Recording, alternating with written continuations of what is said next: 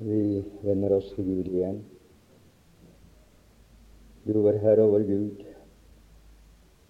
Vi priser deg for at du seiret i kampen på Golgata. Takk for at døden ikke kunne holde deg. Du er oppstanden. Du lever.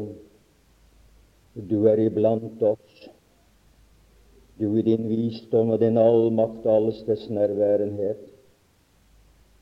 så er du i himmelen, men du er ved din ånd hos oss. Syng så dem som har kommet til møte i kveld. Og takk for evangeliets sanger, og takk for at du kan legge en sang i våre hjerter, en lovsang, en frelsessang ja, for vi hyller deg fordi du har frelst oss. Hør oss, du vår bønn, vi ber, o Gud, i Jesu Kristi navn. Amen. Vi har i det møtet som vi har holdt, nær som i går aftes, dvelt ved sannheter som står i tilknytning til Jesu korsdød. Fra de salmerne som ble sunget i påskehøytiden, som kaltes det store Halel, som betyr den store hallelujale lovprisning, og som vi har dvelt ved de to siste, men er ikke engang er ikke ferdig med den 118. salme. Det var den siste som Jesus sang. Og jeg nevnte i går hva vi talte om i forgårs, nemlig at det første han sang, det var hva Gud har gitt sitt folk ved frelsen. Han har gjort dem til tilbedere. Det viser seg at de er meget ulike navn, men felles i dette at de hylder ham for hans godhet og hans nåde. De har hatt mange opplevelser, gode opplevelser, men også prøvsomme opplevelser.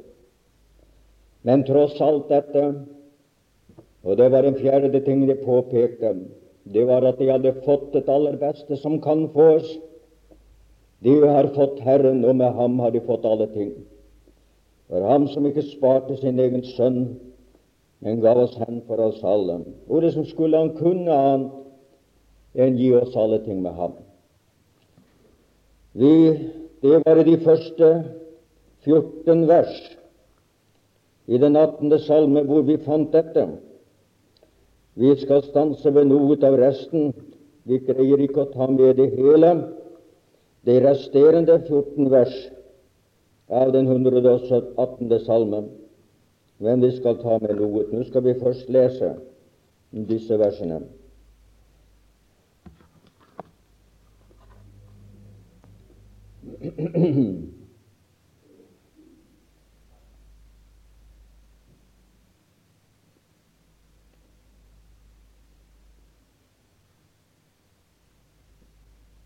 Vers 10 begynner vi ved.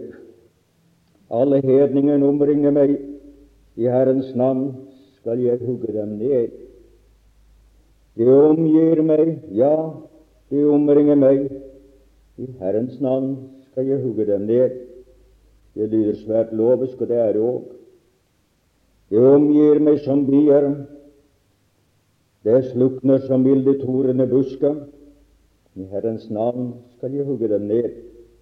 Hvor støtte du meg for at jeg skulle falle, men Herren holdt meg komme til hjelp. Herren er min styrke og lovsang, og han ble meg til frelse. Der høres fryderåp om frelse i det rettferdiges telt. Herrens høyre hånd gjør opp store verk. Herrens høyre hånd opphøyer Herrens høyre hånd gjør storverk. Jeg skal ikke dø, men leve og fortelle Herrens gjerninger. Og tuktet Herren meg, men til døden, døden overgav ham ikke. Lukk opp rettferdighetens porte for meg. Jeg vil gå inn gjennom den. Jeg vil prise Herren. Dette er Herrens port. Det rettferdige skal gå inn gjennom deg. Jeg vil prise deg, for du svarte meg og ble meg til frelse. Vi kommer neppe lenger her i vår betraktning enn det som vi nå har lest hverandre, så der vil jeg slutte. Det var mange eiendommelige ting, merkverdigheter, i den 117. salme, som er den korteste i Bibelen, korteste kapittel. Men det er også en del eiendommelige ting i den 18. salme. Det er f.eks. to slags talemåter i sangen. Det er den muntlige, alminnelige tale, og så er det den billedlige tale. Og det var den billedlige tale vi skulle dvele ved her i kveld, da vi har delt ved noe av den muntlige, alminnelige. Der er også fire grupper av personer som taler i denne salmen. Fire forskjellige grupper som taler. To grupper er navngitt, og det er Israel, sier Herren og god, og hans miskunnhet varer evinnelig. Det er løftets folk, Israel, som her priser Herren. De gjorde det ved å synge sangene. De skal en gang gjøre det som en nasjon når de blir frelst. Når de får se ham som de har gjennomstunget, da får det sin virkelige oppfyllelse. Arons hus er også navngitt, og Arons hus, det var jo prestene. Det var dem som var kalt for å forkynne hans dyder. Og det er altså de som er Herrens tjenere. Skriften sier at vi er et kongelig presteskap. Alle frelste er det. Kongelig presteskap. Altså, vi skal fortelle hans dyder. Og hans dyder det er at han har vært ualminnelig god, så god som ingen annen. Det har han vært i det at han sparte vårt liv inntil vi fikk lov å ta imot nåden. Og så priser vi Herren for Hans nåde, som gir dem synderens forlatelse. Den tredje gruppe som omtales her, det er i det fjerde vers. Det er de som sies å frykte Herren. Det er de troende. Det er de troende til alle tider, dem som kalles troeshelter. Det er til alle tider og av alle folk, nede gjennom alle slekter. For det er en profetisk salme. Og hva har deres, hva er deres vitnesbyrd? Det er samstemmig. Det er ikke delt. Det er fullt det samme. Herrens godhet og Herrens nåde. Har vi som er samlet her, fått det til våre lovsang, slik at det er det vi hylder? Ja, vi ble minnet om det ved innledningsmøtet. Frelsen av nåde. Å, hvor Han har vært god til oss, som elsket oss til døden, som vår Herre gikk ned så dypt som ingen vet ned til Adams fall og slektens ruin og synder uten tall, for å løfte oss og frelse oss og berge oss for evigheten. Det er dem som her er omtalt. Men det er enda en, det er den fjerde som taler. Og det er ikke en gruppe, verken av navngitte eller ikke navngitte personer. Det er én, eneste mann. Og han taler gjennom hele salmen. Og det er Herren Jesus Kristus, profetisk, som her taler i denne salmen, og som Jesus sang, var det siste sang han sang her på jord. Han ble ved å tale når de andre har sluttet å tale. De som priser Herren, det ble slutt med deres tale. Israels hus, det er opphørt å tale. Men denne mann, ene mannen, det er han som har ordet. Det er, han er salmens mann. Han er den sentrale i salmen. Han er den som taler gjennom hele salmen. Han er den som taler gjennom hele salmen. Vi får sånn indirekte rede på hvem han er. Og det er ikke lite. 13 ganger sier han 'jeg' om seg selv. Og 21 ganger sier han 'meg'. Og til sammen så taler han til Herren, som er Gud. Herren er Gud, står det. Og det gjør han 27 ganger. Så han taler om seg selv og han taler om Gud, Herren. Dette er Jesus Kristus, den anden i guddommen. Og han skal vi høre på. Han sier også to ganger 'Herren er min Gud'. Jesus er her, det er Han som er 'jeg er'. For det er navnet på Jehova 'jeg er'. Det vedkjente Jesus seg. Han sa 'Jeg er veien'. Den eneste vei som fører til himmelen. Jeg er sannheten, både om synd og fortapelse, om frelse. Han er sannheten, men han er også livet. Det er Jesus Kristus. Det er det, det guddommelige jeg. Det er Han som taler, og vi skal lytte til ham. Vi skal bøye seg for hans tale. Vi skal høre hva må gjennomgå for å bli vår frelser.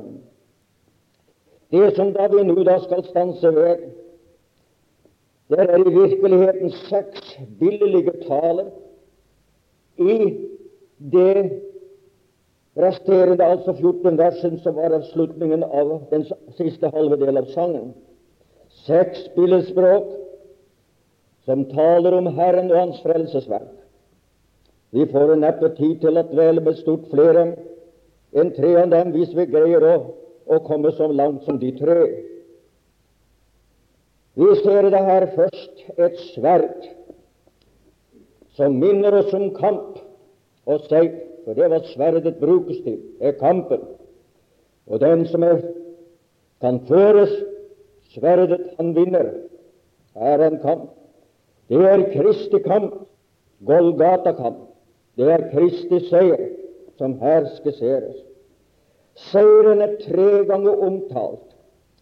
I vers 10, i vers 11 og i vers 12. Det er den treenige Guds seier. For Gud var i Kristus Jesus, og Helligånden støtter opp om det. Det er treenighetens seier. Så når vi har opplevd frelsen, så er Gud med i det. Kristus er med i det. Helligånden er med i det. Faderen gav. Sønnen gjennomførte og Ånden kunngjør og levendegjør og meddeler. Det er den tredje Guds frelse som vi må få lov å være opptatt med. Og det er hans seiersbudskap som her forkynnes. Seiersbudskapet lyder slik I Herrens navn skal jeg hugge dem ned. Det er lovens røst. Loven, det er lovens dødsdom over alle ja, alle, for syndens sold er døden. Denne, dette sverdet er usynlig. Det vil si det, men jeg skal hugge den ned, forteller at han har noe å hugge med. Det er det usynlige. Og denne seier er i den skjulte verden, i den skjulte og ikke det synlige. Var det veldige som ble urettet på korset, var det ingen øyne som så, bare himmelens Gud beskuede det. Men seieren, den har vi fått lov til å oppleve stykkevis og delt, og forstå det slik sådan. Den beseiredes antall er også omtalt. Ja, det står loven Lovens dødsdom. Jeg vil hugge dem ned alle. Lovens dødsdom rammet en sted på trær. Dommen lød over alle sammen du skal dø. Men det tredde frem en sted på tredje seg. Jeg vil gå i deres sted, som er skyldig til døden. Og derfor heter det ene død for alle, og derfor er de alle døde. Så Herrens Guds største gravplass, eller verdens største gravplass, det var på Golgata, hvor alle døde, hvor han døde for alle, for at vi som tror på ham, på å være død med ham og begravet med ham, oppreist med ham, skal leve for ham. Det var det. Det beseiredes antall er nevnt i det tiende vers. Alle hedninger. Og hvordan var det med alle hedningene? De stod utenfor. De var utenfor paktene. De var uten håp. De var uten Gud. Og slik har vi alle sammen vært. Og sådan er det med alle som ikke har fått Kristus som sitt håp, og som ikke har kommet innenfor i Kristus Jesus. De er der. Der er du, hvis du er ufrelst. Den beseirede ondes, det beseiredes, ond, beseiredes onde sinnelag er også omtalt. De omringer meg, står det. De omgir meg. og Det er nevnt flere ganger, tror jeg tre ganger. Hva forteller det dette? Det er Jesus som klager. Det er Jesus som kunngjør, og det er det samme budskap som er i den 22. salme og i den 102. salme og for den sag, i flere salmer. Det er Kristus overgitt i synderes hender. Det er Kristus som der ble plaget og slagen, ja, av Gud gjort elendig. Og Kristus i kampen for vår frelse. Så mørkt var det for ham da denne kampen sto på, at Gud dekker over sin sønns lidelse, for at vi må få lov, på grunn av seieren, bli lysets barn og vandre i lysets og tilbede lysets Gud. Og hvor stort og vidunderlig er ikke dette? Alene kjempet han Hårt støtter du meg? står det. Alene seiret han. Det var ingen som stod ved ham. Min Herre, det vil si Gud, hjalp meg. Det, er, det var det fullbrakte verk. Det var da han vendte. Seieren var fullkommen. Gud i Kristus. Det var ikke en halv seier en, en full seier i Åndens verden. For Gud teller det. Gud var i Kristus. Og forlikte verden Nei, Gud i Kristus avvæpnede makterne. Det var mange av dem. Og myndighetene. Og stilte dem åpent lys til skue i det han visste som seierherre over dem på korset. Seieren var fullkommen.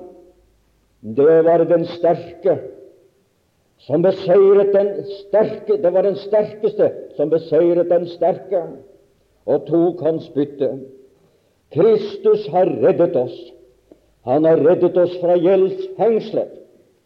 For i gjeldsfengslet der var alle dem som døde i tro uten å oppnå løftene. Det er dødsriket. Inntil seieren, inntil gjelden var betalt og skylden var utslettet. Han rettet oss for den, for vi var millionærer i syndes skyld, hver eneste en av oss. Men han, han frelste oss fra dødsdommen, han frelste oss fra Satans slaveri, og vi får lov å være hans. Seierssangen til lammets pris, den blir hørt. Og alle dem som har fått sett seg død med Kristus, gjeldfri i Kristus, benådet i Kristus, reddet i Kristus. Hva skal de kunne annet enn prise ham for hans godhet? Hva skulle de kunne annet enn takke ham for sin nåd, for nåden? Og den var ikke liten, for vi har fått syndernes forlatelse efter Hans nådes rikdom. Eller som det står i den danske oversettelse, rik som Guds nåde er, og grenseløs, ubegrensede nåde imot oss. Der høres frydesang, står det i det 15. vers. Der høres frydesang om frelse. Det var denne frydesangen våre unge venner sang her. Det er frydesang om lammet. Det er den som våre hjerter fylles med av lovsang og takk til Ham. Som det høres frydesang om frelse i det rettferdige sted. Dette er det rettferdige ved troen på Kristus, og som broderen leste om. Det er just den rettferdige. Guds rettferdige til alle, over alle, og i alle som tror. Det er uforskyldt, dette. Sangen om dette, hva Han ga oss. Rettferdigheten, ren og rettferdig, himmelen verdige Jesus Kristus. Det er det vi er sangen om. Det er verdt å synge om. Det er noe annet enn verdens lettsindige sanger og tvilsomme måter å opptrede på. Sangen om korset, sangen om blodet, sangen om nåden, sangen om frelsen. Å, det lyder, det skal lyde. Det må ikke forstummes. Det må vi fortsette med og fortelle ham. La dem høre det i verden. Vi synger om hans frelse. La dem høre slik at avgrunnen også blir oppmerksom på det, og det er det. Ondskapens ånde merker liker ikke den sangen. Men jeg vil gjerne at man skal synge lettsindighet og synge usedelighet, som så mange gjør, og tvilsomme ting. Men lammets sang om blodet og nåden og frelsen, det er noen ting som avgrunnens makter ikke liker å høre. Ondskapens ånde her liker ikke å høre det. Ja, det er godt. Det har fått en ny sang lagt i sin munn, en lovsang til Gud. Den nye sangen og hvor det står at vi skal synge og leke for Herren i våre hjerter. Ja, det er det som Herren Han skaper der inne. Jeg tror nesten jeg får fortelle dere om en mann i Danmark. Eh, han var en, for en, en skolelærer. skolelærer. Han heter Renberg. Han bodde i et sted som heter Kås. Det var det første stedet jeg kom til etter at jeg kom til Amerika. Så kom jeg dit og skulle virke. Når gamle Renberg når de begynte å synge, så begynte Rennbakk. Så sang han også, men han øyde ikke sangscenen. Den var så skrikende falsk som det kunne være. Han, men han hadde en kraftig, kraftig stemme. Når han satte i, da forstummet de alle andre. Da sluttet han også, forstås. Så sa de, kjære broder Redenberg, du har jo ingen sangstemme, men du må da heller like så godt som slutte å synge sådan. Og, men han bøyde seg for dette. Så satt jeg der, og så fikk jeg se noen ting. Det var vennene som sang Herrens pris. Og så satt gamle Renberg på denne måten. Just på denne måten. Så hvisket jeg til noen Hva er det han foretar seg for? for han, det er ikke sangen han leder, han bare sitter på denne måten. Renberg er velsignet. Ja, så ser det slik ut. Ja, du forstår, det var det sang i hans hjerte. Og han kunne jo ikke åpne sin røst men han måtte jo være med likevel. Og du, min bror og søster, når det er en lovsang i hjertet til vår Gud, at det blir fylt av takk og tilbedelse, for dette gjorde Jesus Kristus mot meg. Ja, mine venner, det vil himmelen høre. Det er tilbedelse. Det er at vi sender opp, som jeg sa i forrige gang. Vi blir tiggere av nåden, men vi er givere av tilbedelsen. Vi sender opp til ham. Det var den første. Vi får ikke dvele lenger med dette. Det var sverdet. Og Gud skal ha takk for at sverdet rammet ham. Og de sverd han fikk, sårene og vundrene, er han den eneste av den frelste skare. Ja, han er jo ikke den, han er frelser, men han er den eneste som skal beholde sår i hendene og sår i siden. Det slaktede Guds land. Alle vi andre skal bli av med alle merker og all skavanker og alt det som så å si kunne skjemmet oss herved, for vi skal bli ham lik, nær som såret ham. Dem skal han ha til et evig minne om det gjorde han, og sangen om landet skal aldri opphøre. Vi får gå til det neste. Jeg tenker jeg skulle greie noe av det. Vi ser her for det annet Det er også et, et bilde. En hånd som vitner om gjerninger. Den er omtalt i det 15. og det 16. vers. Det er to vers om den. Herrens gjerning er frelsesverket. Herrens Og det er sagt to forskjellige ting om den. Hva er denne Herrens hånd? Herrens hånd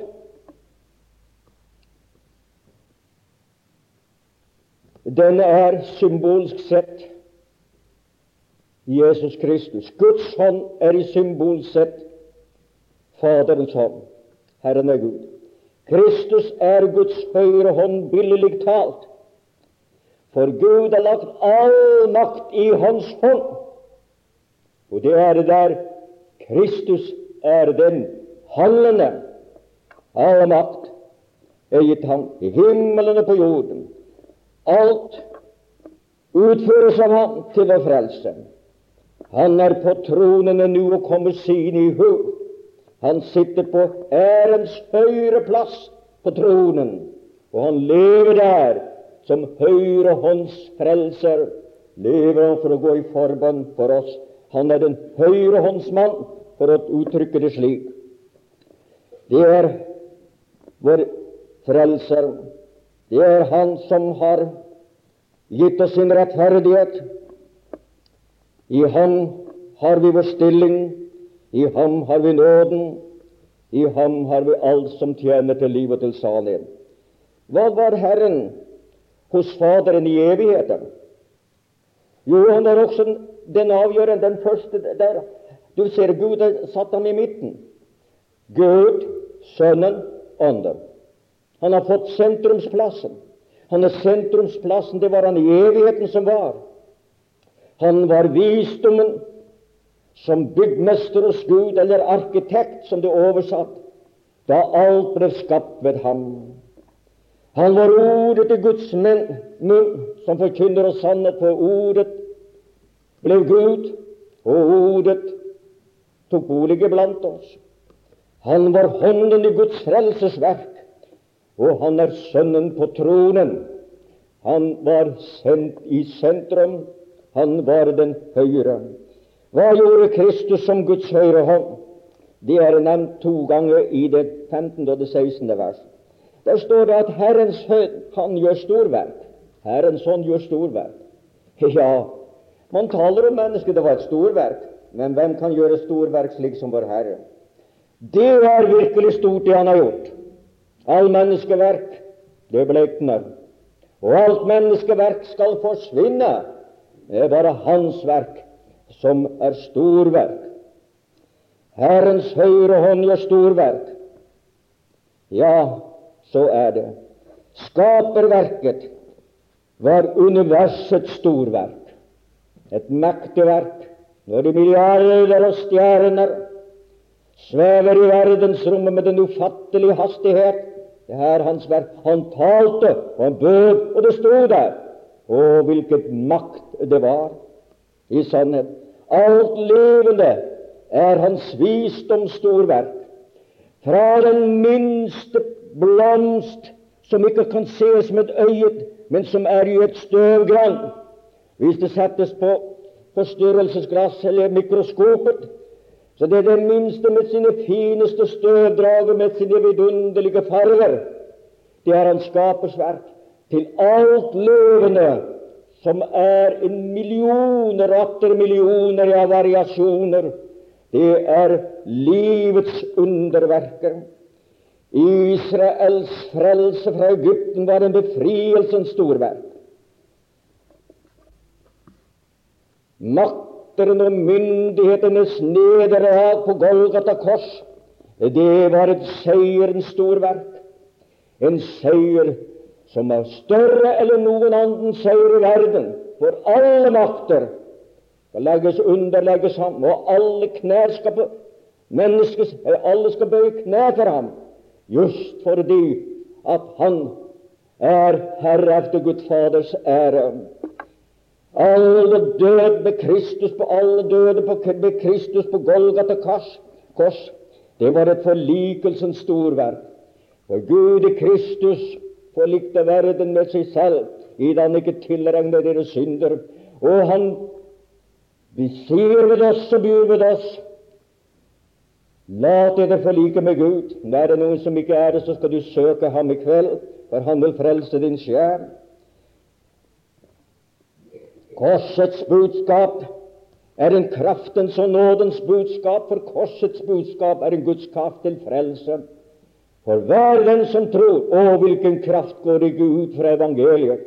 Dette gode budskap, at Kristus, Gud, elsker deg, og han vil frelse deg i Kristus, og benåde deg og føre deg gjennom livet og frem til herlighet. Hvilken Guds kraft er ikke dette? Det er et storverk. Og forsoningen i Kristi blod er et renselsens storverk.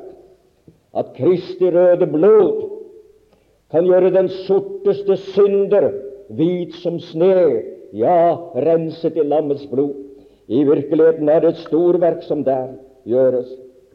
Herrens høyre hånd opphøyer, står det. Han ble opphøyet på korset. Han ble opphøyet høyt over alt, høyt opphøyet av Faderen. Vi ser ham høyt opphøyet. Opphøyet er å få et navn som er over alle navn, for at alles kne skal bøye seg for det navnet. Opphøyet, ja, i sannhet opp på tronen, hvor han sitter og er ypperste prest for Guds folk. Den anden i guddommen, sitter der som det annet menneske, det eneste herliggjorte mennesket som er i himmelen. Gud har fått et menneske som er sant Gud i himmelen. Jo, han er Guds høyre hånd opphøyer, men han har også opphøyet oss. Tenk på at han løftet oss fra det dype og lave og satte oss på en fast grunnvoll. Han løftet jo oss opp alle våre synder på korset og tok dem aldri ned igjen. Og det utslettet med blodet som gikk oss imot, det ble naglet til korset ved ham. Vi er også opphøyet. Storverk Herrens høyre hånd gjør opphøyet. Og vi er opphøyet til å være lemmer på Kristi legeme. Vi er opphøyet til å sitte i himmelen i Kristus Jesus. Ja, det er ikke bare hva han ler, men også hva det han vant, og det han gjorde. I sannhet er dette stort. Og jeg skulle nå ha sagt noe om det tredje, men det tror jeg nesten at jeg må sløyfe. Er De trette å høre? Vil jeg skal si ammen nå? Ja, det er utfordrende, og det er ikke så godt å vite. Men jeg er redd for å preke for lenge. Ja, hva sier?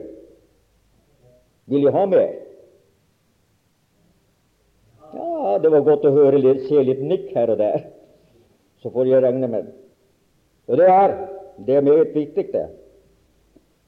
Det neste vi ser, det er en port som vitner om inngang. Det er inngangen for Kristus, med Kristus, som her omtales.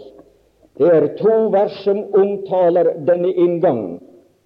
De har to ulike navn. De er omtalt som rettferdighetens porter. Jeg merker i det tiende vers i det nittende verset. Og det er omtalt som Herrens port, altså porter i flertall og porter og en port. Skal jeg nevne den første som han som er jeget og talsmannen her i sangen, hvilke porter som måtte åpnes for ham. For han ber her i sangen og sier Lukk opp rettferdighetens porter for meg. Lukk, og Det er han, det er Jesus som sier dette. Det er profetisk. Lukk opp rettferdighetens porter for meg. Og så kommer det også dette der. Dette er Herrens porter, rettferdige skal gå inn gjennom dem. Det er to forskjellige sider der. Skal så nevne den første, de porter som han måtte gå gjennom. Der var døren inn til samfunnet med Faderen, som ble brutt.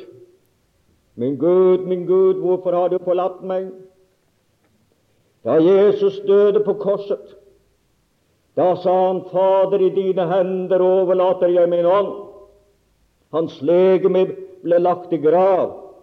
Hans ånd gikk til Gud Fader. Da kom han tilbake til himmelen nøyaktig slik som at han forlot himmelen. Han forlot himmelen som ånd og fikk et legeme. Nå hadde han tapt legemet, det var blitt dødt. Nå får han tilbake til himmelen i sin ånd. Da var Sønnen hjemme hos Faderen. Og det er det som er avskygget på den store forsoningsdagen, da ypperste presten gikk inn med røkelsen uten blod. Kristus behøvde ikke ha blod for å presenteres for, folk for seg selv, bare for de som han skulle frelse. Det var første inngangen. Det er tre innganger der i det 16. kapittel i det tredje Mosebok, som omtales der. Men det kan jeg ikke komme inn på. Ja vel, vi går videre. Og så var han der, gikk han hjem til Faderen som en herliggjort ånd, uten synd, fullkommen ren og rettferdig, som hadde fullført forsoningsverket til fullbrakt, og han var hjemme hos Faderen. Der var også, og der var han inntil oppstandelsen, der var han i den evige verden som en ånd, inntil hans ånd ble forenet med hans legeme ved oppstandelsen. Der var dørene inn til dødsriket, som var stengt, den ble åpnet for ham. Da han i ånden for ned til dødsriket og predikede for åndene som var igjen som var i forvaring.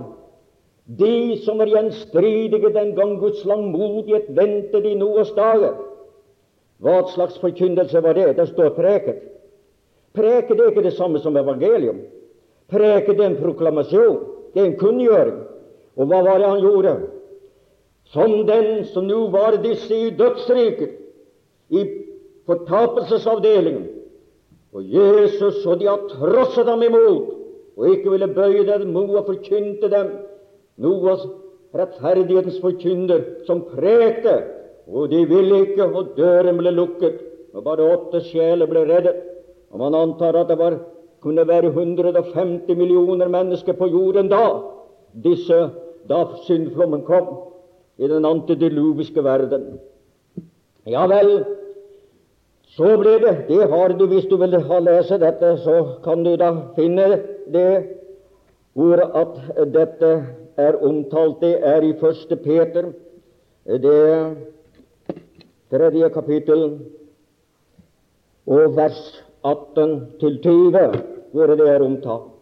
Men da han var i ånden, da han var seierherren på korset De har trosset Guds nåde, trosset Guds kjærlighet, trosset Guds allmakt. Det var ikke et frelsesbudskap.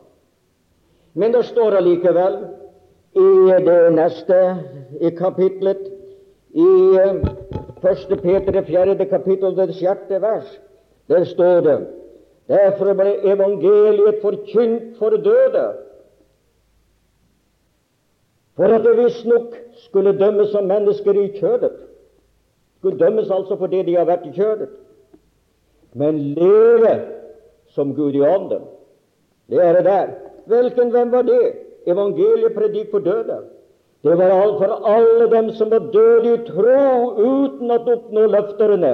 De var i gjeldsfengslet, dødsriket, både de fortapte og de som var dødt i tro. Nå var gjelden betalt, nå var synden sonet, og de har dødd uten å oppnå det. De har bare sett det langt borte. Nå var tiden kommet. Og så kommer han til dem og forkynner evangeliet, det glade budskap for disse fra Abel og ned igjennom, og Abraham og alle de andre, forkynne nå er seieren vunnet. Nå er synden sonet, deres synder sonet. Nå skal de få alt det som jeg har vunnet ved korset. Det var en stor dag i dødsriket da. For et rike av døde delt i to avsnitt. Der var han der. Den døren måtte åpnes for ham. Og han har nøklene til døden og til dødsriket. Priset være Gud at de er i Hans hånd, så ingen kan slippe ut der uten Hans vilje.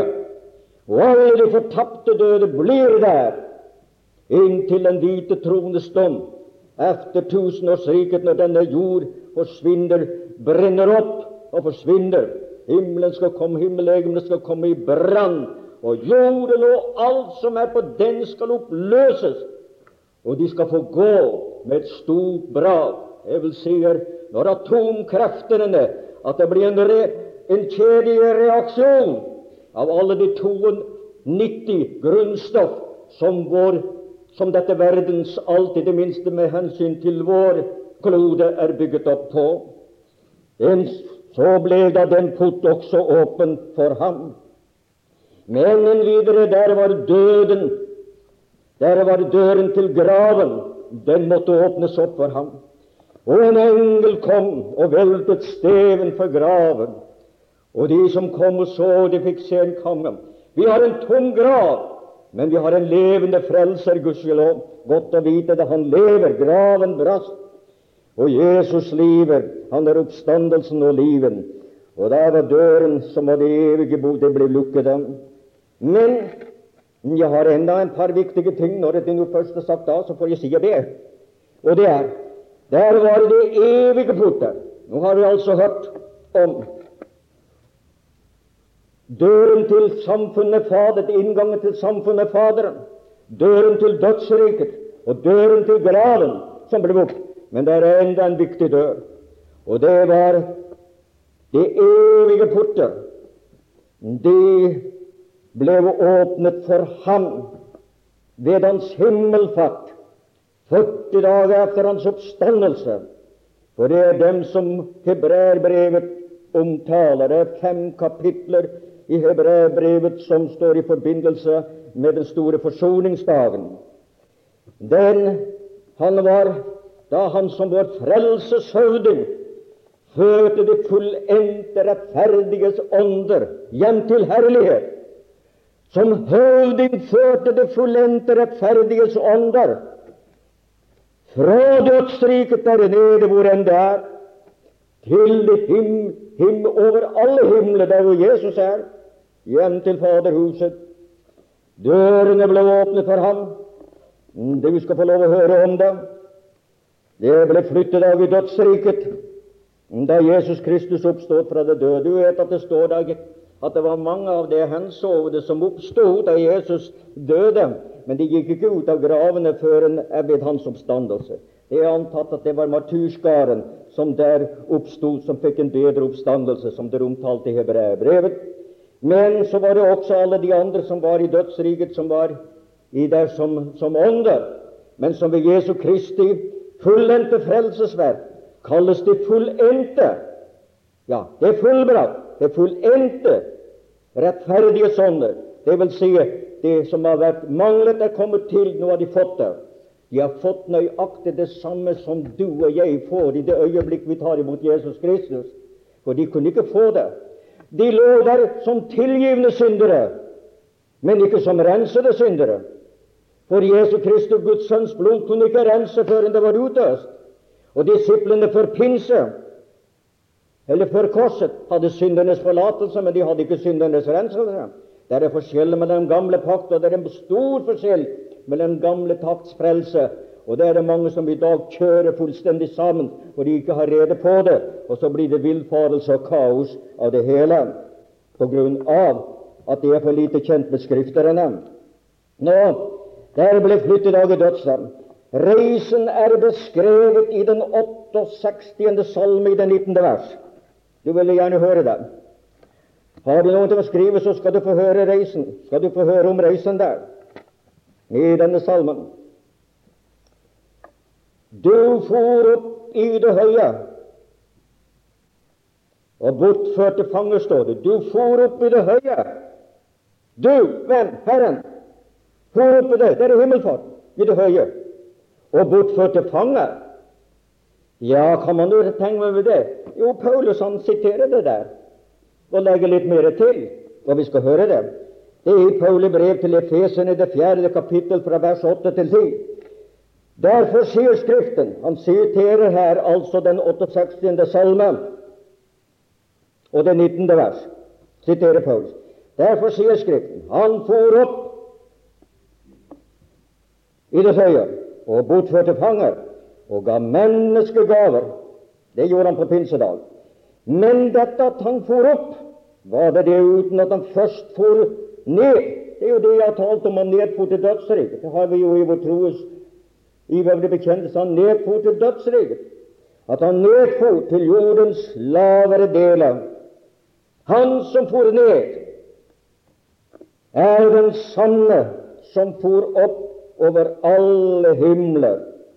Han for opp, og når det står det, så er det slik. Vet du, Det er noen som lærer nå at himmelen den er her. Det er bare det at du går over ikke ser det. Omtrent som du går fra et mørkt rom i livet, kaller det er at man går, lever like som Og så kommer inn i et annet, i et annet rom eller hvor lyset slås på, så at man har himmelen her. Stikk det motsatte av Skriften sier. Han for opp over alle himler for at fylle alt i alle. Vognene som fraktet de fullendte ånder, de fullendte ånder fra dødsriket til herlighet, de er omtalt i den samme salme i det 18. vers. Nå er tid for at du kan finne det hvis du har salmen i det 18. vers. Og der står Guds vogne er to ganger 10 000 og 8000. Men det blir bare 21 000. Det. Men så mange vogner var det aldri i Israel. Men jeg har oversettelse hvor det står slik Elovens krigsvogner er myriader, og myriaders myriader.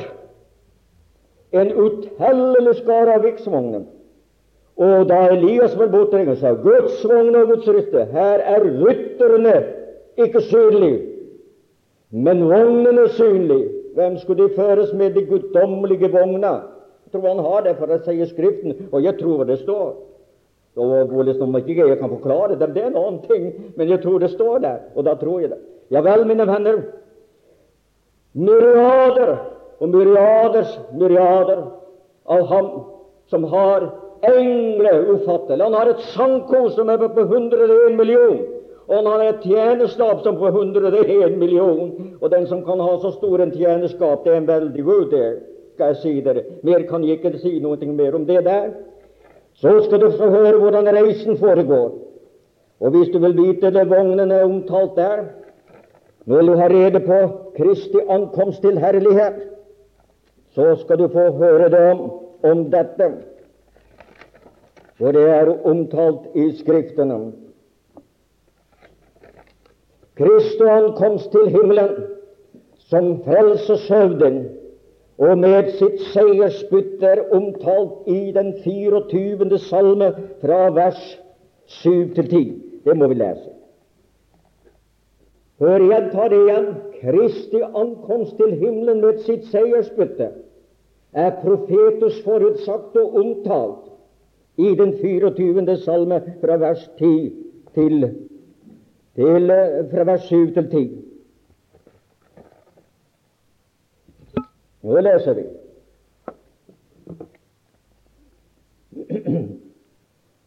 Løft Dette er deres ett som spør efter Jakobs barn, efter han, det som søker ditt åsyn, Jakobs barn Sela. Løft de porter, eders hoder, og løft eder i evige dører, så herlighetens konge kan dra inn. Her er det fortalt han kommer, og herolden lover kan hende en overengel. Han kommer jo med sine mange tusener. Her til jorden så kommer han vel også når han henter sine hellige. Når han henter sine hellige. Løft dere i evige dører.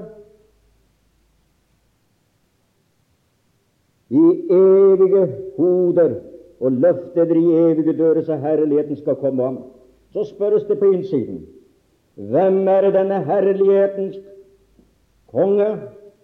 Så svares det Herren sterk og veldig, Herren veldige strid, han som seiret på Golgata.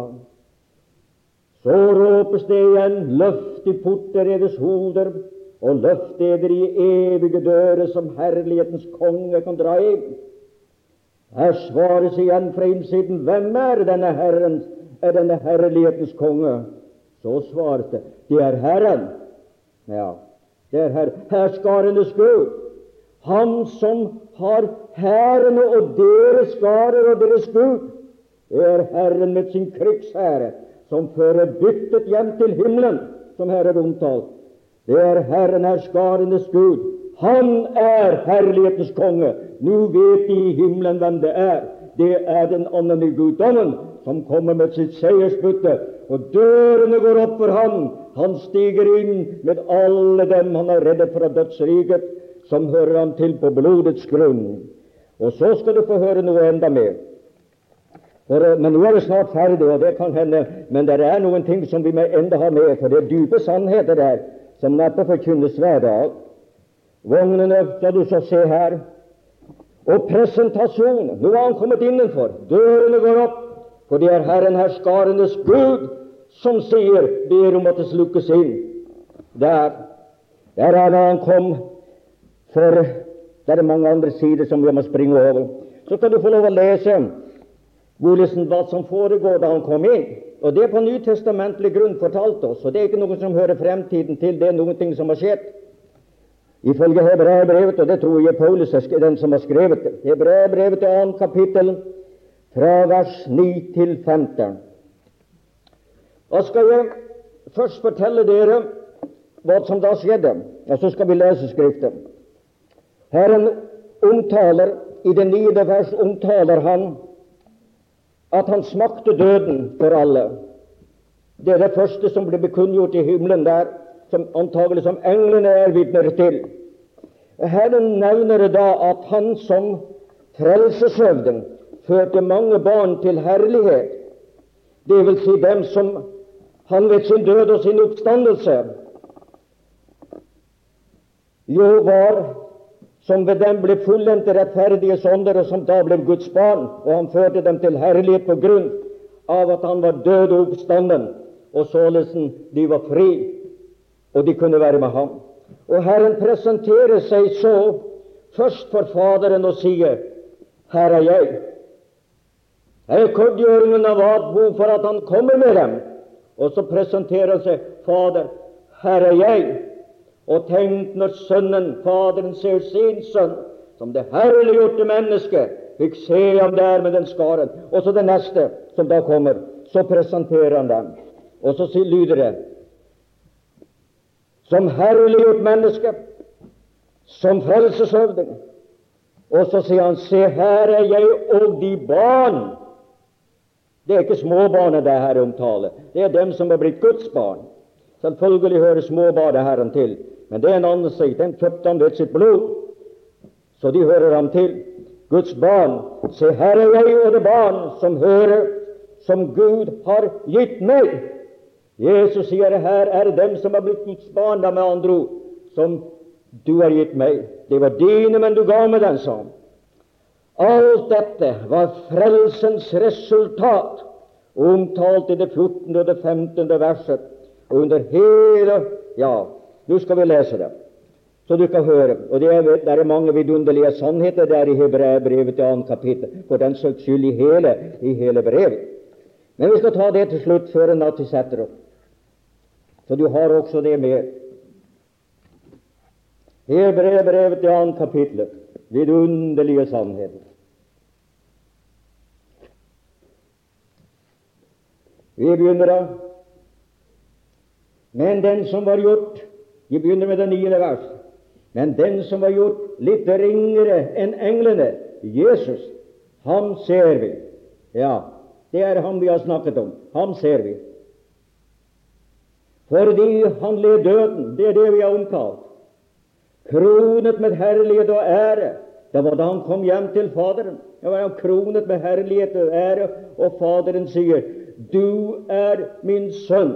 Jeg er født deg i dag du er ypprest efter Melkesediks vis. Det ble kroningen for ham i herlighet. For at han ved Guds nåde skulle smake døden for alle. Det er jo det vi har omtalt. For det sømmer seg for ham. Vi skyld alle ting til, og ved hvem alle ting er til, da han førte mange barn. Ikke fører, men da han førte. Det er råstått og dette her er skrevet før Jerusalems ødeleggelse. omtrent i året eh, 68 ble brevet skrevet. Til herlighet gjennom lidelse og fulle deres frelses høvding. Det er der han er som høvding. Han førte dem som, til herlighet som barn, som høvding. For både dem som herliggjør, og det som herliggjøres, og det var hva Jesus gjorde, er alle av én, og derfor skammer han seg ikke ved å kalle dem brødre. Har han herliggjort dem. Han har blitt herliggjort. Faderen sa at 'jeg har herliggjort det og skal herliggjøre', og han ble kronet med herlighet. Og dem er en, derfor skammer han seg ikke å kalle dem brødre. Når han sier 'jeg kommer', når han sier 'jeg vil komme, kunngjøre ditt navn for mine brødre', det gjorde han på, på påskeaften, men det gjøres også der i Herre. Midt i menigheten vil jeg lovsynge det. Det er påsken, påskeaften. Og atter, jeg vil sette mitt, li, sette min lit til ham, og atter, se, her er jeg, og det barn som Gud har gitt meg. Her er presentasjonen. Eftersom da barnet har del i blod og kjøtt, fikk også han i like måte del i det, fordi han ved døden kunne gjøre til intet Det var djevelen. Den som hadde dødens velde, det er djevel. Det var det han har seiret over. Og utfri. Det er det vi har fortalt hele dette gjennom. Har fortalt, det utfrielsen fra dødsriket. Utfri hvor mange? Alle dem som av frykt for døden var i trelldom alle sine livsdager. Der er det. Det var det mens de levde. Og så var de gjeldsfanger inntil at gjelden ble talt, og den sterkeste hadde overvunnet den sterkeste og tatt hans bytte og ført dem hjem til Herre som hans seiersbytte og vidunderlige frelser. Og så slutter vi. Lengre kommer jeg ikke. Og det er fra da i den gamle verden da var englene satt inn i reiseruset ned til dødsriket med alle de troende for Abraham da Lasarus ble båret av engler, flere stykker, til, Abrahams sjø. Englene er tjenende ånder som skal tjene dem som skal arve salighet. Og disse her, de arvet salighet da de blir sendt opp. Og så gjør vi når vi dør og blir forfremmet til herlighet. Så nå er det hver enkelt en som dør i troen på Kristus. De har da vil disse våre skytsengler, og det har vi. vi har, om de er én eller to, det vet jeg. Min gamle bestemor husker jeg. Ja, det er langpreken i dag, men, men, men vi tåler dem. Hun sa bar før hun la seg. Blant det husker bare litt, og der er noe, jeg husker ikke det hele, men noen kan hende jeg har hørt det. Og talt om henne. To, det var om å våke over en. To med vekke, to med dekke, to med veier viser til det himmelske paradiset. Men det er visst ikke helt rett, men det er da noe av det. Og da trodde på skytsengler, og du har. For det er talt om barnas engler, deres engler, og de forlater oss ikke. Vi har en skytsengel. Akkurat som det er onde ånder, så er det onde, gode engler som synd. Så alle som dør i troen på Jesus, de blir ført hjem til hvor Jesus er. Og Paulus sier de vil heller fare herfra og gå ned i graven, sa han det. Ja, men det er noen som lærer dette, og ligger der til oppstandelsesmorgen. Nei, det er han slett ikke. Legemet går av jorden og går til jorden. Ånden er fra Gud. Den går enten til det fortapte eller til hjelm, Så sa han jeg vil jeg heller fare herfra og være hjemme hos Herren. For det er såre meget bedre. Han regnet så snart som at han var død, så får han hjem til herlighet. For det er meget bedre. Å, mine venner, de har det godt, de som er der oppe. Det var det budskap som jeg, jeg fikk til å gi dere. Det har jeg arbeidet det frister her, for det har jeg arbeidet med det nå her. Og det er ikke fordi at det er gamle sannheter, men nye sannheter for meg. Dem har jeg visst i mange, mange år om det. Men oppstillingen kan være så nytt. Disse andre ting er ikke sagt jeg får tid til å dvele med. Er det ikke en underfull frelse vi har? Er det ikke stort frelsesverk han påtok seg? Er det ikke vidunderlig? Og vil du høre om skaren der hjemme, så skal du lese i Hebreerbrevet til tolvte kapittel. Og det forteller vi er kommet til stillingsmerket, og de er kommet der. Til høytidsskaren. De fullendte rettferdige sonder, Kommet til blodet og kommet og kommet og kommet det hele. Det er det som er der hjemme i herlighet. høytid. Det har de der oppe. Og snart er vi hjemme og står for tronen. Hva gjør det da at solen har oss brent? Når hytten faller, så får vi kronen. Halleluja. Ja, det får vi lov å si. Takk for ditt frelsesord, og takk for din frelsesgjerning, og takk for din bevarende kraft, og takk for at du skal fullende det. Du som har begynt frelsesverket, skal fullende det, og snart skal vi få lov å være hos deg, for aldri å forlate deg. Takk derfor i Jesu navn. Å, er det noen her i kveld som ikke har sagt ja til deg? Å, måtte de bli hungrige, måtte de bli lengtende, måtte de se seg fortapte, og så se deg som frelse, og oppleve alt dette av nåde. Hør oss, o Gud, i Jesu navn vi ber. Amen. Ja,